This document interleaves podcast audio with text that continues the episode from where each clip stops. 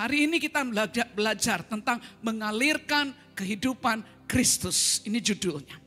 Hal pertama kalau kita ingin mengalirkan kehidupan Kristus. Prinsip pertama yang harus kita pahami bersama. Ini nomor satu. Setiap orang percaya yang sudah lahir baru setiap orang percaya yang sudah lahir baru, entah dia masih anak kecil, remaja, pemuda, pemudi, laki, perempuan, pinter atau enggak pinter, cantik enggak cantik, mau apa pun keadaannya, mau tua mau muda, setiap orang yang sudah lahir baru memiliki kelimpahan kehidupan Kristus. Wih, memiliki bukan ecek-ecek, bukan serut-serut, bukan sedikit memiliki kelimpahan kehidupan Kristus. Lihat ayatnya, Yohanes 10 ayat 10. Kita baca sama-sama ya. Kadang saya minta ayat ini dibaca sama-sama sekali lagi. Kenapa? Karena sering kali pikiran kita itu maunya liar. Ke sana kemari. Duduk badan di sini, tapi pikirannya bisa ke mana-mana. Tapi sekarang kita set ulang pikiran kita. Latih pikiran kita, di set harus mengikuti apa yang Tuhan sedang sampaikan pada kita. Ya, waktu kita mengucapkan ini, set baik-baik, set pikiranmu, set perhatianmu. Satu, dua, tiga. Pencuri datang hanya untuk suaranya nggak kedengar, harus kedengaran. Ayo, taklukkan pikiranmu, taklukkan siang hari ini, taklukkan semua situasi dan kondisi. Amin. Kita injak-injak pekerjaan musuh yang selama ini membuat umat Tuhan pasif. Itu sebabnya umat Tuhan jatuh bangun di dalam dosa tidak berkemenangan. Kita tidak bisa mengalirkan kehidupan Kristus. Padahal kita semua punya potensi untuk mengalirkan kehidupan Kristus. Satu, dua, tiga. Pencuri datang. Tunggu-tunggu, belum keras saya. Mau dengar keras. Mari kita taklukan atmosfer di tempat ini. Supaya pencuri tidak bisa lagi mencuri kedamaian. Tidak bisa mencuri sukacita. Tidak mencuri, bisa mencuri hidup kita dari apa yang Tuhan sudah berikan. Satu, dua, tiga.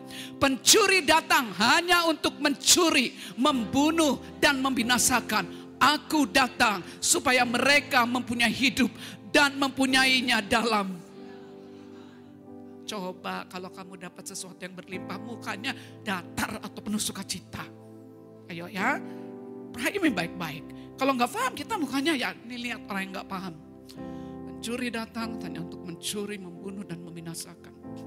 Aku datang supaya mereka mempunyai hidup dan mempunyainya dalam segala kelimpahan. Ada kuasa nggak? Gak ada efek. Lihat cara saya. Pencuri datang hanya untuk mencuri, membunuh dan membinasakan. Ketika saya mengucapkan ini, saya sambil mengimajinasikan, oh pencuri, musuh, setan, lu kerjanya datang, mau mencuri, mau membunuh dan menghancurkan hidupku ya. Sorry, gak akan, gak akan bisa. Karena kita udah mikirnya jalan. tahu pencuri datang terus kita biarin? Enggak dong, kita gebukin dong. Bener enggak? Masa tahu pencuri datang kita, pencuri datang untuk mencuri, membunuh dan binasakan gak bisa gitu. Pencuri datang hanya untuk mencuri, membunuh dan membinasakan. Tapi Yesus datang supaya aku mempunyai hidup dan mempunyainya dalam segala kelimpahan. Beda nggak mukanya? Beda. Karena kita tahu kita menerima kehidupan yang berkelimpahan. Jadi poin pertama, setiap orang percaya yang sudah lahir baru, termasuk saya dan engkau, termasuk kita semua di tempat ini. Enggak peduli laki perempuan apa pun latar belakang kita, kita semua mempunyai kelimpahan kehidupan Kristus. Amin kelimpahan kehidupan Kristus yang seperti ama. Coba kita lihat waktu Yesus hidup di bumi ini. Apakah Yesus hidupnya jatuh bangun dalam dosa? Kehidupan kita sekarang gimana? Bangun dalam dosa. Dulu, hari ini, dan seterusnya. Tidak begitu lagi. Karena firman Tuhan dibukakan. Kita bisa memperkenan hati Tuhan. Karena kita dibukakan kebenaran ini. Bahwa sejak kita lahir baru. Yesus datang dalam hidup kita. Kita mempunyai hidup yang berkelimpahan. Kelimpahan dengan apa? Kelimpahan dengan kehidupan Kristus. Kristus yang gimana? Kristus yang penuh kasih. Kristus yang penuh kuasa Kristus yang penuh belas kasihan. Kristus yang penuh dengan kebaikan. Kristus yang penuh dengan kerendahan hati, kemurahan hati. Kristus yang penuh dengan kesabaran. Kristus yang penuh dengan membuat damai sejahtera. Kristus yang penuh dengan sukacita. Kristus yang penuh dengan iman. Kristus yang penuh dengan kuasa. Kristus yang penuh dengan hikmat. Pokoknya semua yang ada di dalam Kristus sekarang menjadi milikku dan milikmu. Amin. Kita sudah menerima paket. Paket hidup yang berkelimpahan. Kelimpahan apa? Kelimpahan kehidupan Kristus. Artinya karena kita menerima kasih Kristus, kita bisa mengasihi orang lain. Amin. Karena kita menerima kelimpahan pengampunan Tuhan, Kristus yang suka mengampuni, kehidupan seperti itu yang ada pada kita. Kita bisa mengampuni setiap orang yang bersalah kepada kita. Itu sebabnya Yesus berkata, ampunilah kami seperti kami juga mengampuni orang yang bersalah kepada kami. Jadi intinya, kalau kita tidak mengampuni orang lain, Tuhan bilang Bapamu juga tidak mengampunimu. Tetapi kita semua bisa karena ada, ada kelimpahan. Ada kelimpahan kekuatan, ada kelimpahan kasih, ada kelimpahan ketaatan. Coba kita lihat satu lagi ayat. Yeskiel 36 ayat 26 dan 27. Yeskiel 36 ayat 26 dan 27. Kita baca lagi sama-sama ya. Ini belum berubah ayatnya. Yehezkiel 36 ayat 26 dan 27. Oke, belum berubah ayatnya ini. Ya udah, saudara lihat handphonenya deh. Kalau memang belum kebuk, belum belum belum berubah, ya lihat handphonenya. Udah ketemu ya? Yehezkiel 36 ayat 26 dan 27. 1, 2, 3.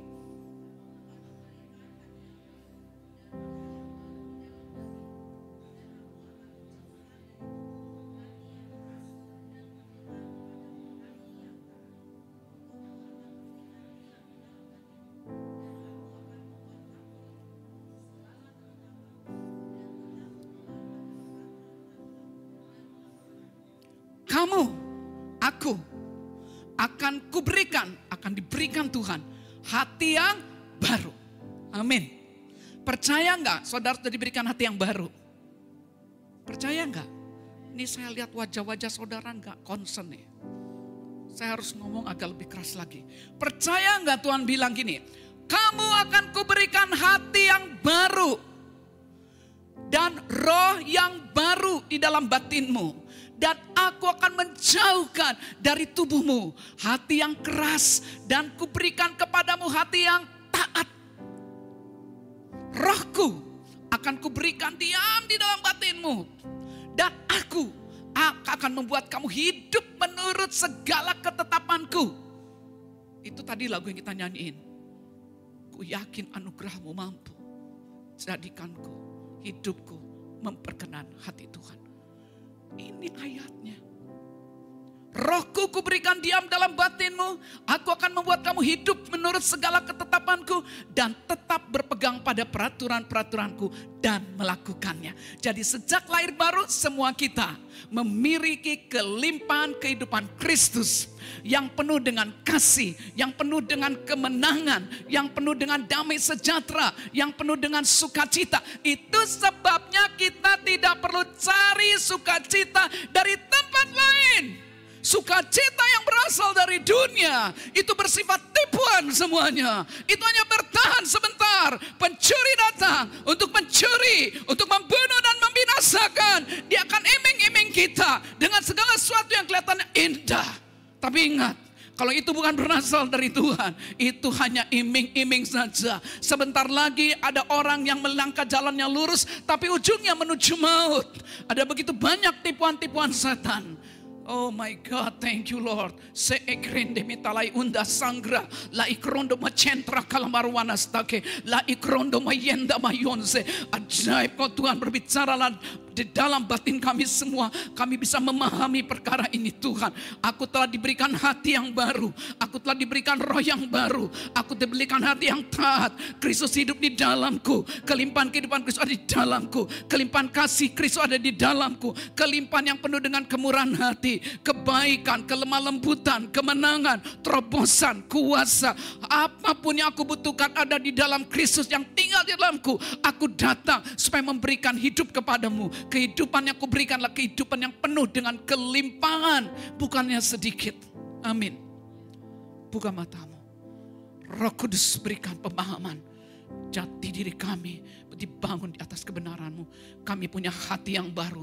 Sambil saya sampaikan firman, mulai imajinasikan. Sekarang kau sadar, di dalammu ada hati yang baru. Ada hati yang taat. Dijauhkan hati yang keras sehingga kita bisa hidup memperkenan hati Tuhan. Karena Kristus hidup di dalamku, Kristus hidup di dalammu. Kemenangan Kristus itu juga menjadi kemenangan kita. Hidup kita tidak jatuh bangun sebagaimana Kristus tidak jatuh bangun. Kristus tidak pernah turun maju, turun turun naik dan maju mundur. Kristus berjalan dari kemenangan kepada kemenangan. Itulah jenis kehidupanku dan itulah jenis kehidupanmu. Karena Kristus tinggal di dalamku, Kristus tinggal di dalammu. Era jatuh bangun di dalam dosa harus segera dihentikan. Tapi gereja Tuhan yang berjalan dari kemenangan kepada kemenangan. Sedang Tuhan bangkitkan. Mereka masih muda. Orang bilang wajar anak muda turun naik jatuh bangun. Tidak wajar. Karena Kristus hidup di dalamku. Hidup di dalammu. Dia memberi hidup yang berkelimpahan. Kita punya kemampuan untuk berjalan dari kemenangan kepada kemenangan. Kita mampu Tuhan mengalirkan kehidupan Kristus di dalam kita. Amin. Memang kita sudah punya itu semua tetapi kita tidak bisa diam. Ada sesuatu yang harus kita kerjakan.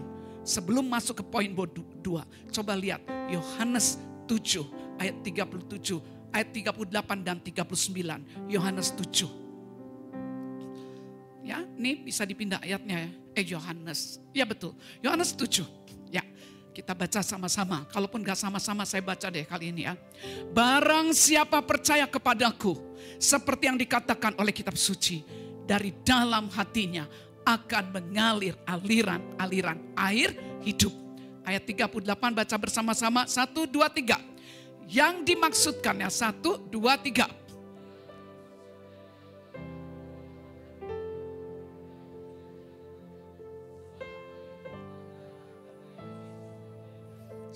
tolong coba Abi tolong bacakan dengan roh yang bagus.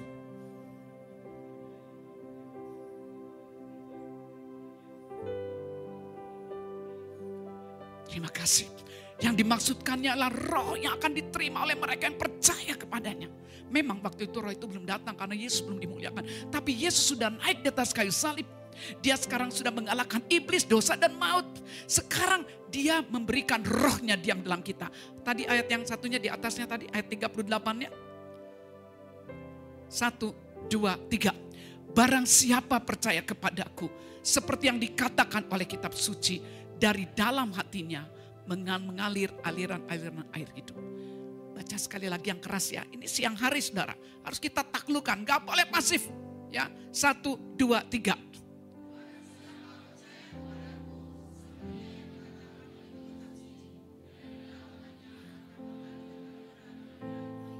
Masih ada wajah-wajah datar.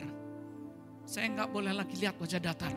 Kalau saudara paham ini wajahmu tidak akan datar lagi pahami dan bicara dengan keras. Tipuan musuh selama ini, aku hancurkan saat ini dalam nama Yesus. Kau tidak boleh membuat umat Tuhan datar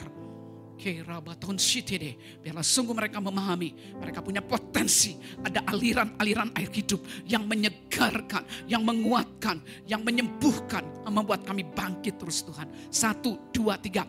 Barang siapa percaya kepadaku. Seperti yang dikatakan oleh kitab suci. Dari dalam hatinya akan mengalir aliran-aliran air hidup. Bukan aliran air kotor bukan aliran-aliran aliran perkataan-perkataan yang busuk, tapi aliran-aliran air hidup. Wow. Bayangkan di dalam kita ada sumber mata air. Ada di dalam kita. Sekarang baca satu lagi sebelum poin dua. Yohanes 4 ayat 14. Kenapa saya ber, apa, apa, agak lama di sini? Karena ini poin penting yang mendasar. Satu, dua, tiga. Tetapi barang siapa minum air yang akan kuberikan kepadanya, ia tidak akan haus untuk selama-lamanya. Sebaliknya air yang akan kuberikan kepadanya akan menjadi mata air di dalam dirinya. Yang terus menerus memancar sampai kepada hidup yang kekal. Di dalam hati kita ada hati yang baru. Di dalam hati kita ada aliran-aliran air hidup. Ada pekerjaan roh kudus. Ada pekerjaan roh kudus yang membuat aliran damai sejahtera mengalir. Memancar. Terus menerus. Sampai kepada hidup yang kekal. Ada aliran damai sejahtera. Ada aliran sukacita. Ada aliran roh syafaat. Roh pujian. Penyembahan. Ucapan syukur terobosan, kemenangan, kekuatan, iman, kuasa, semua yang ada di dalam Kristus oleh pekerjaan Roh Kudus itu akan terus mengalir, mengalir dan mengalir deras dan akan betul-betul bisa dialirkan kepada orang-orang yang berjumpa dengan kita. Orang yang sakit akan mengalami kesembuhan karena kita mengalirkan aliran kehidupan Kristus yang menyembuhkan. Ketika kita bertemu dengan orang yang letih lesu, orang yang letih lesu akan mulai disemangatkan, diberikan kekuatan kekuatan yang baru. Kita bertemu dengan orang stres. Orang stres tersebut akan mengalami kemerdekaan. Karena aliran kehidupan Kristus yang penuh dengan kasih dan kuasa akan mulai mengalir lewat hidupku dan lewat hidupmu. Amin. Itu sebenarnya yang Tuhan inginkan. Tetapi tipuan setan membuat aliran itu tidak mengalir. Karena itu poin kedua. Hal kedua yang saya ingin supaya kita pahami. Supaya aliran air hidup ini mengalir dengan deras kita harus selalu terhubung dengan sumber kehidupan, yaitu Kristus, Sang Pokok Anggur. Yohanes 15 ayat 5. Saya minta satu lagi baca anak yang aan. Saya panggil anak karena saya kan udah ibu ya udah oma ya nih boleh cucu saya ini bisa cucu oma dah. Nah yang baju merah siapa nak namamu nak? Manis sekali. Siapa? Sarah, Sarah. Sarah tolong baca ya. Yohanes 15 ayat 5. Suara keras. Ih, mantap nih. Bacanya berdiri dengan orang yang berkobar-kobar sayang. Ayo, tuh, dua, tiga.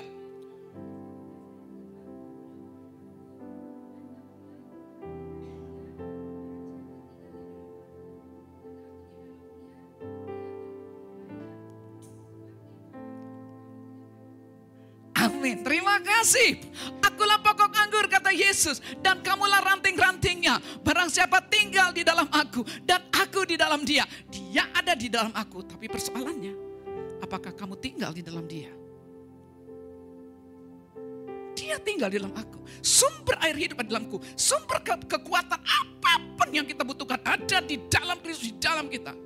Tapi dibilang, barang siapa tinggal di dalam aku dan aku di dalam dia, ia berbuah banyak. Sebab di luar aku kamu tidak dapat berbuat apa-apa. Artinya kalau kita tidak tinggal di dalam dia, apa arti tinggal di dalam dia? Hidup di dalam persekutuan yang intim dengan dia. Terhubung kepada sumber kehidupan kita. Ya saya kasih ilustrasi, ini tadi saya sampaikan di kebaktian satu. Saya punya pompa, kemungkinan besar semua kita di sini punya pompa di rumah mungkin punya pump ya. Kalau saya punya pompa, pompa jet pump. Nah si jet pump itu walaupun ada air di dalamnya, walaupun saya punya sumber mata air di rumah, dia tidak akan bisa mengalir ke rumah saya. Harus dihubungkan dengan pipa dan dihubungkan dengan colokan listrik sumber. Nah, ketika dicolokkan kepada sumbernya, mata air yang ada di dalam akan mulai mengalir. Alirannya mengalir ke atas, disimpan di toren. Tetapi karena rumah saya ada empat kamar mandi, rumah saya cukup besar, maka untuk mengalirkannya ke rumah dan untuk dipakai cuci mobil, dipakai untuk cuci kain, dia butuh air yang deras. Bagaimana caranya? Dipakai mesin satu lagi namanya booster. Dipasang booster, shhh, mengalir. Tetapi sebaliknya, walaupun saya punya sumber mata air, tapi saya tidak colokkan ke sumbernya, maka air itu tidak bisa mengalir. Kenapa anak-anak Tuhan saat ini jatuh bangun di dalam dosa? mencari kepuasan dari dunia ini, mencari kedamaian dari dunia ini, karena mereka tidak mengalami kedamaian dari Tuhan. Kenapa mereka tidak alami damai? Kenapa mereka cari sukacita dari tempat lain? Karena mereka tidak terhubung kepada sumbernya. Oh my God. Biarlah engkau tidak jadikan mubasir kehidupan Kristus yang ada di dalammu, di dalamku. Kita semua punya kemampuan. Jangan bilang orang muda tidak bisa hidup berkemenangan. Bohong. Kristus sumber kemampuan kita ada di dalamku, ada di dalammu, ada dalamku, ada dalammu, ada di dalamku dan ada di dalammu. Semua kita punya kehidupan Kristus yang melimpah dengan kemenangan, dengan terobosan, dengan kekuatan ada. Jadi ingat, pompa ada mata airnya, nggak bisa mengalir dengan deras kalau tidak dicolokkan ke sumbernya. Kalau menderas, lebih deras lagi pakai booster. Itu artinya apa? Ketika kita sudah lahir baru, ada mata air, ada sumber kehidupan dalam kita. Kita punya hati yang baru. Kita harus colokkan kehidupan kita kepada dia. Sumber power, sumber kehidupan. Ketika kita tinggal di dalam dia, bagaimana yang disebut tinggal di dalam dia? Banyak orang gak ngerti. Apakah doa bukan doa yang gini? Oh, makasih Tuhan. Aku udah baca firmanmu. Berkati aku Tuhan. Thank you Tuhan. Oke Tuhan, aku mau pergi sekolah. Berkati aku ya. Ya udah. Dah, ya gitu. Selesai. Lima menit. Nanti tidur malam Tuhan jagai kami. Bla bla bla bla bla. Terus yang jam siang berkati makanan kami. Bla bla bla bla. Selesai sudah. Apakah itu yang disebut tinggal di dalam dia? Tinggal di dalam dia itu terus menerus. Bagaimana caranya? Apa kita terus di ruang doa? Bukan. Bukan. Di dalam tinggal di dalam dia artinya pertama roh kita harus selalu dipastikan kan diberikan roh yang baru ya. Betul? Nah, diberikan roh yang baru. Rohnya harus diaktifkan sama seperti handphone ini. Kalau nggak ada baterainya, biarpun dia sebenarnya punya kemampuan dipakai untuk menyampaikan pesan, nggak bisa harus bat handphonenya dalam kondisi sudah dicas, dicolokkan ke sumbernya. Pakai power bank kayak pakai apa. Yang jelas dia harus isi dulu powernya. Jadi dia punya kemampuan untuk bisa mendengar, menyampaikan pesan juga. Nah begitu juga kita dengan Tuhan. Dia sumber kehidupan kita. Kita harus terus pastikan hubungan kita tercolok kepada sumber, kepada dia. Gimana caranya? Pertama yang paling mudah, mulailah memperkatakan firman. Ketika kita mulai memperkatakan firman, itu sebenarnya kita sedang membangun komunikasi dengan Tuhan. Karena firman itu adalah Allah. Jadi ketika kita memperkatakan firman, ini dimulai di pagi hari. Bangun tidur, jangan cari yang lain dulu. Jangan buka medsos dan macam-macam. Ketemu Tuhan dulu. Coba Yesaya 50 ayat 4 kita lihat sebentar. Karena Tuhan setiap pagi ingin berbicara kepada kita. Yesaya 50 ayat 4.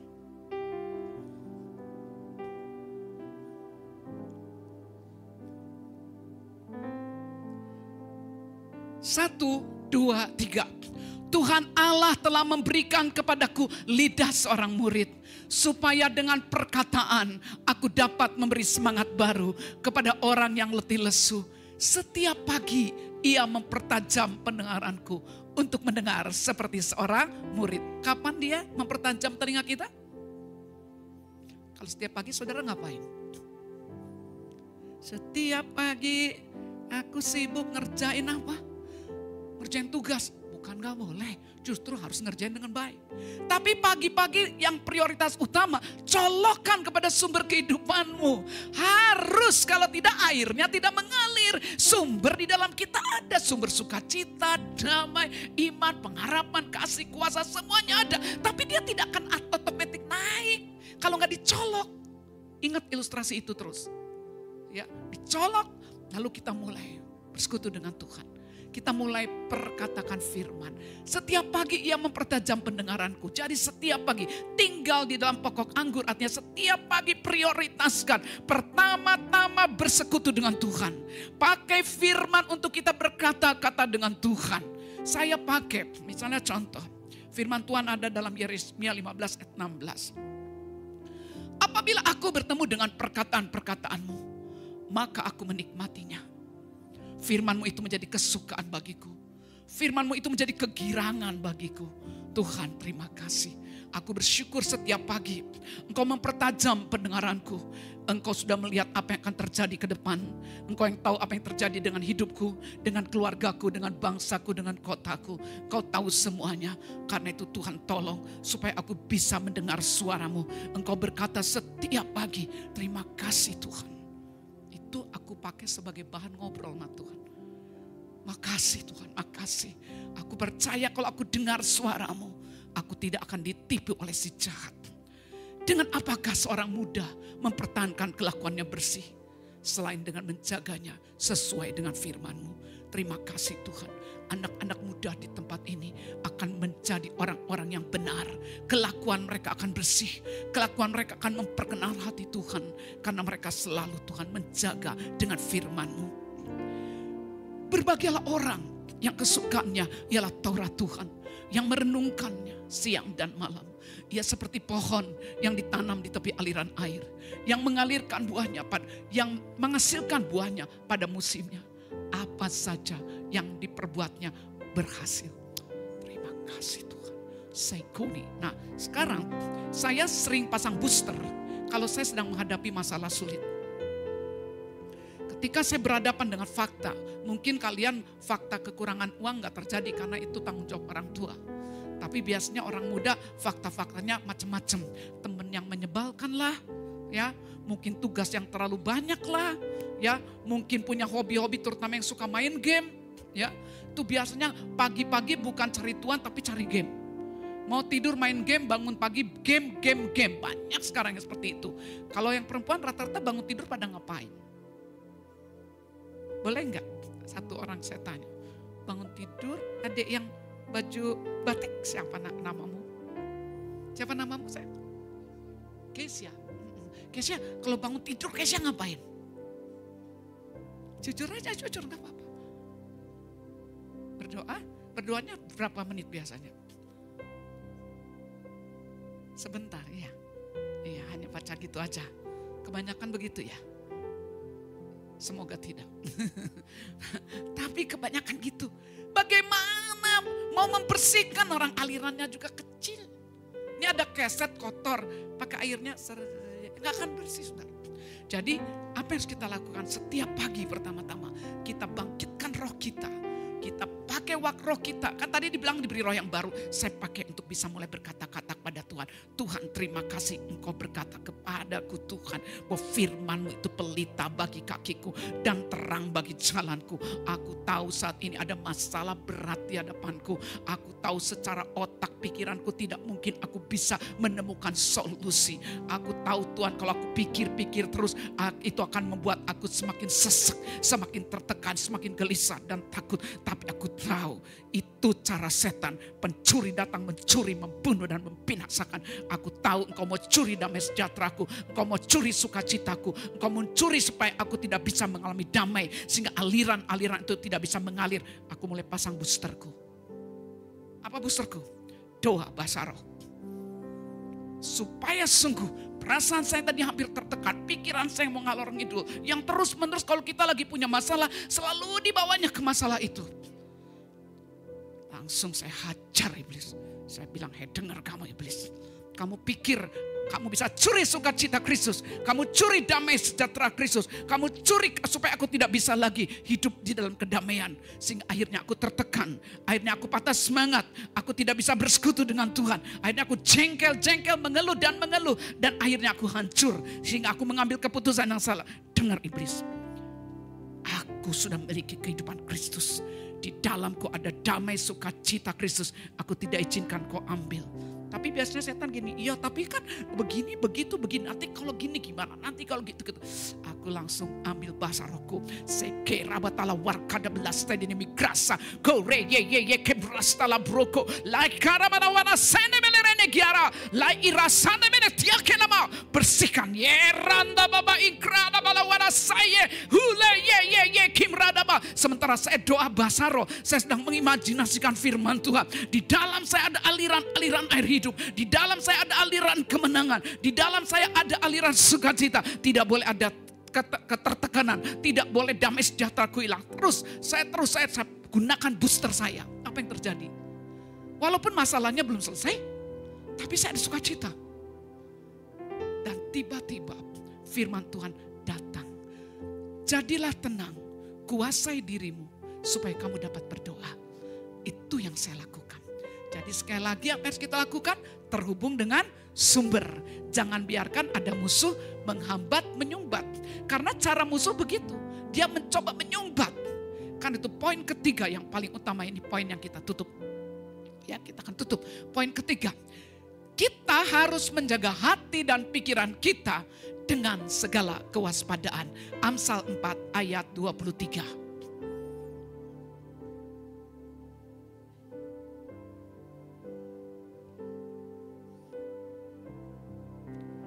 Jagalah hatimu dengan segala kewaspadaan. Karena dari situlah terpancar kehidupan. Dalam terjemahan yang lain dikatakan, berhati-hatilah terhadap apa yang kau pikirkan. Karena pikiranmu menentukan masa depanmu. Ya, semakin pikiran kita dirasuk, dimasuki dengan pikiran-pikiran yang buruk, yang negatif. Biasanya sering berasal dari setan. Dia pengen supaya kita tidak bisa colokkan hidup kita. Dia pengen supaya kita tidak punya waktu terhubung dengan sumber. Supaya aliran itu tidak bisa mengalir. Akibatnya kita tertekan, stres, dan tidak bisa mengalirkan kehidupan di dalam kita. Itu cara setan. Kita pengen doa, tapi kehambat karena pikiran kita selalu dibawa untuk memikirkan yang negatif. Dibawa untuk memikirkan yang cabul. Banyak orang yang dibawa ke situ. Dibawa untuk memikirkan hal-hal yang kelihatannya membuat dia makin tertekan. Semakin dipikir, semakin tertekan. Semakin dipikir, semakin tertekan. Ada banyak orang yang sedang mengalami kondisi seperti itu. Atau ada banyak orang juga yang selalu dibawa, udahlah yang namanya baca firman gak perlu lah. Kamu kayak orang apa aja sih? Hmm, udah gak zaman sekarang gak ada yang gitulah. Udah gak usah lah, gak, gak usah terlalu fanatik. Itu kan istilah dunia Udah jadi anak Tuhan gak usah fanatik, fanatik teing katanya. Heh, firman Tuhan bilang, janganlah kerajinanmu kendor. Biarlah rohmu menyala-nyala dan layanilah Tuhan. Nyanyi nggak boleh biasa-biasa. Baca firman nggak boleh biasa-biasa. Doa nggak boleh biasa-biasa. Mengerjakan tugas-tugas tidak boleh biasa-biasa. Janganlah rendaknya kerajinanmu kendor. Biarlah rohmu menyala-nyala dan layanilah Tuhan. Aliran-aliran air hidup itu. Ketika roh kita menyala-nyala. Kita bersekutu dengan Tuhan. Kita terus merenungkan firman Tuhan. Ketika iblis mau tembak kita. Tidak bisa berhasil. Tidak bisa karena hati kita dan pikiran pikiran kita sudah dipenuhi oleh firman, firman, firman dan firman saja. Saudara, sering kali kita mau masuk uh, apa? Kita mau simpan di handphone kita, nggak bisa masuk. Kenapa katanya? Udah penuh, benar nggak? Setan mau masukin yang jahat. Aduh, kok susah banget ya. Coba lagi, kok susah banget. Udah full. Fullnya sama apa? Firman. Wow, bayangin. Karena udah full, dia setan coba cariin lagi. Full. Apa? Firman, firman, firman, firman. Sulit. Kenapa? Karena kita selalu menjaga hati dan pikiran kita. Kita tidak izinkan ada hal-hal yang negatif, ada perkataan orang, ada segala kejadian apa pun yang membuat kita menjadi khawatir, yang membuat kita menjadi takut, yang membuat kita kehilangan damai sejahtera. Akhirnya kita mencari sejahtera dari tempat lain. Itu taktik iblis. Itu cara iblis menyumbat supaya alirannya tidak mengalir dengan deras. Dibuatnya kita tidak menjaga hati kita. Dibuatnya kita tidak menjaga pikiran kita. Dibuatnya kita fokus terus kepada apa yang terjadi di depan. Tapi hari ini ambil keputusan. Tuhan aku tidak izinkan iblis Aku tidak izinkan iblis merusak pikiranku, merusak emosiku, merusak pengambilan keputusanku. Akhirnya apa yang dia katakan, dia datang mencuri, membunuh dan membinasakan terjadi. Ini yang iblis selama ini lakukan kepada banyak orang. Sehingga anak-anak Tuhan tidak mengalirkan aliran kehidupan. Kenapa? Tersumbat Kenapa tersumbat? Karena dia tidak jaga hati dan pikirannya. Ada begitu banyak peristiwa-peristiwa, ada banyak godaan-godaan datang dan bisa masuk karena apa? Karena pikirannya tidak dijaga. Pikirannya tidak full dengan firman. Tapi semakin kita memenuhi pikiran kita dengan firman, firman, firman. Setan bilang di mana ya? Kira-kira celahnya di mana? Dia mau masuk nggak bisa, dia masuk. Kecuali bilang delete dulu beberapa. delete dulu beberapa. Masa kita delete firman? Ya, kita harus pastikan pikiran kita full dengan firman Tuhan. Dia yang bingung cari-cari di mana nih celahnya. Karena itu orang yang tekun merenungkan firman, cara menjaganya bertekun dalam perenungan firman. Kita akan tutup ayat ini dari Yosua 1 ayat 8. Yosua 1 ayat 8. Kita baca sama-sama ya. Saya rasa pernah ajak ayat ini kita baca. Yosua 1 ayat 8. 1, 2, 3. Janganlah engkau lupa memperkatakan kitab. Mana nih suaranya belum keras? 1, 2, 3 memperkatakan kitab Taurat ini. Tetapi renungkanlah itu siang dan malam. Supaya engkau bertindak hati-hati sesuai dengan segala yang tertulis di dalamnya. Sebab dengan demikian perjalananmu akan berhasil dan engkau akan beruntung. Kita ganti ya. Janganlah engkau lupa tapi janganlah aku lupa. Ya, satu, dua, tiga. Janganlah aku lupa memperkatakan kitab Taurat ini. Tetapi renungkanlah itu siang dan malam. Supaya aku bertindak hati-hati sesuai dengan segala yang tertulis di dalamnya. Sebab dengan demikian perjalananku akan berhasil. Dan aku akan beruntung. Siapa yang pengen berhasil? Yakin? Siapa yang pengen beruntung? Jadilah. Kalau engkau suka memperkatakan firmannya. Pikiran-pikiranmu akan dipenuhi firman. Kita perkatakan pikiran mau liar nggak bisa. Firman-firman yang terngiang-ngiang. Firman aja terus. Firman terus karena kita rajin memperkatakannya. Itu sebabnya kita berhasil dan kita beruntung. Kita nggak menjadi kebanyakan orang-orang muda seperti di zamannya mereka jatuh bangun dalam dosa, mereka mencari kepuasan dari dunia, kita sudah mengalami ada aliran air hidup yang mengalir dengan deras. Kenapa? Karena kita tidak izinkan pikiran, emosi, hati kita dikotori. Tapi kita izinkan firmannya yang terus berkuasa, terngiang-ngiang, terngiang-ngiang. Tapi lihat, orang lebih sering sekarang terngiang-ngiang sama apa? Yang jelek-jelek kan?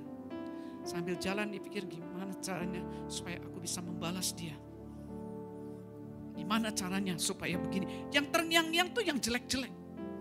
Tapi coba yang kan, yang terngiang-ngiang firman, kebenaran, firman. Pasti yang kau pengen lakukanlah firman. Kalau kita pengen lakukan firman, uh, Tuhan bilang hidup kita akan memperkenan Tuhan.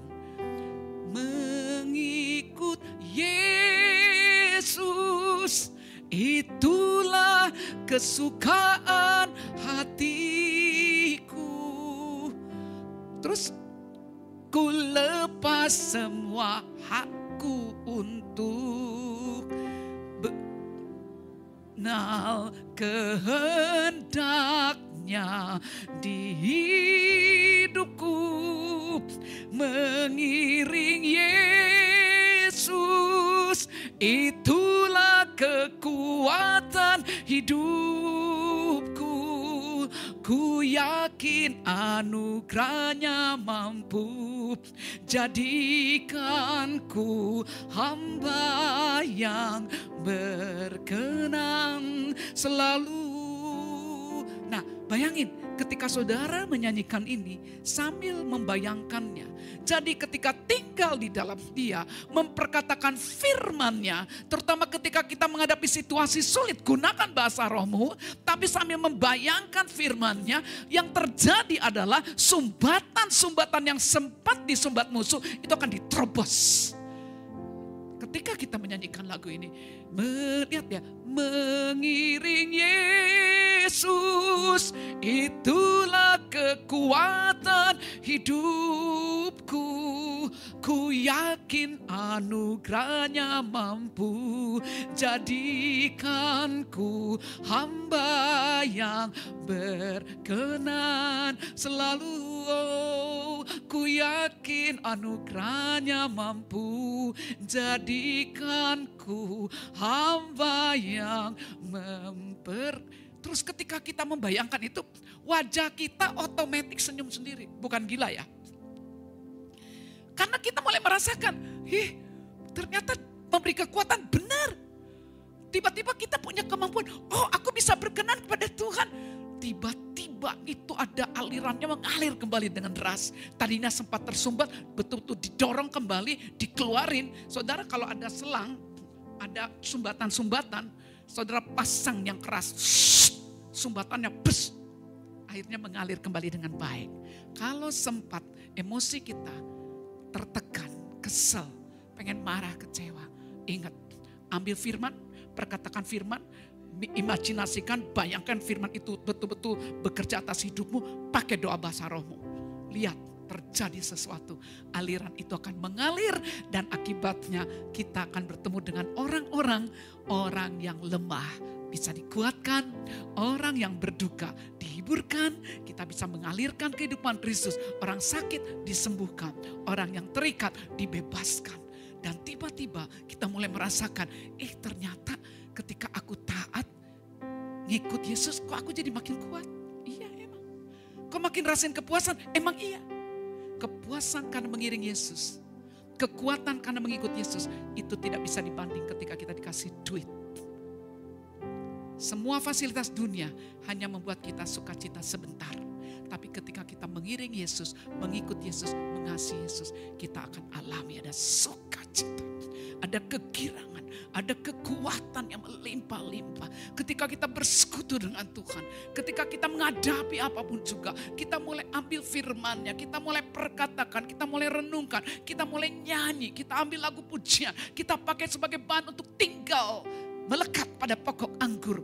Tiba-tiba kita alami ada sukacita kembali mengalir, damai mengalir, kekuatan mengalir, pengharapan mengalir, iman mengalir, tidak ada ketakutan. Dan kita mengalami Tuhan berbicara kepada kita.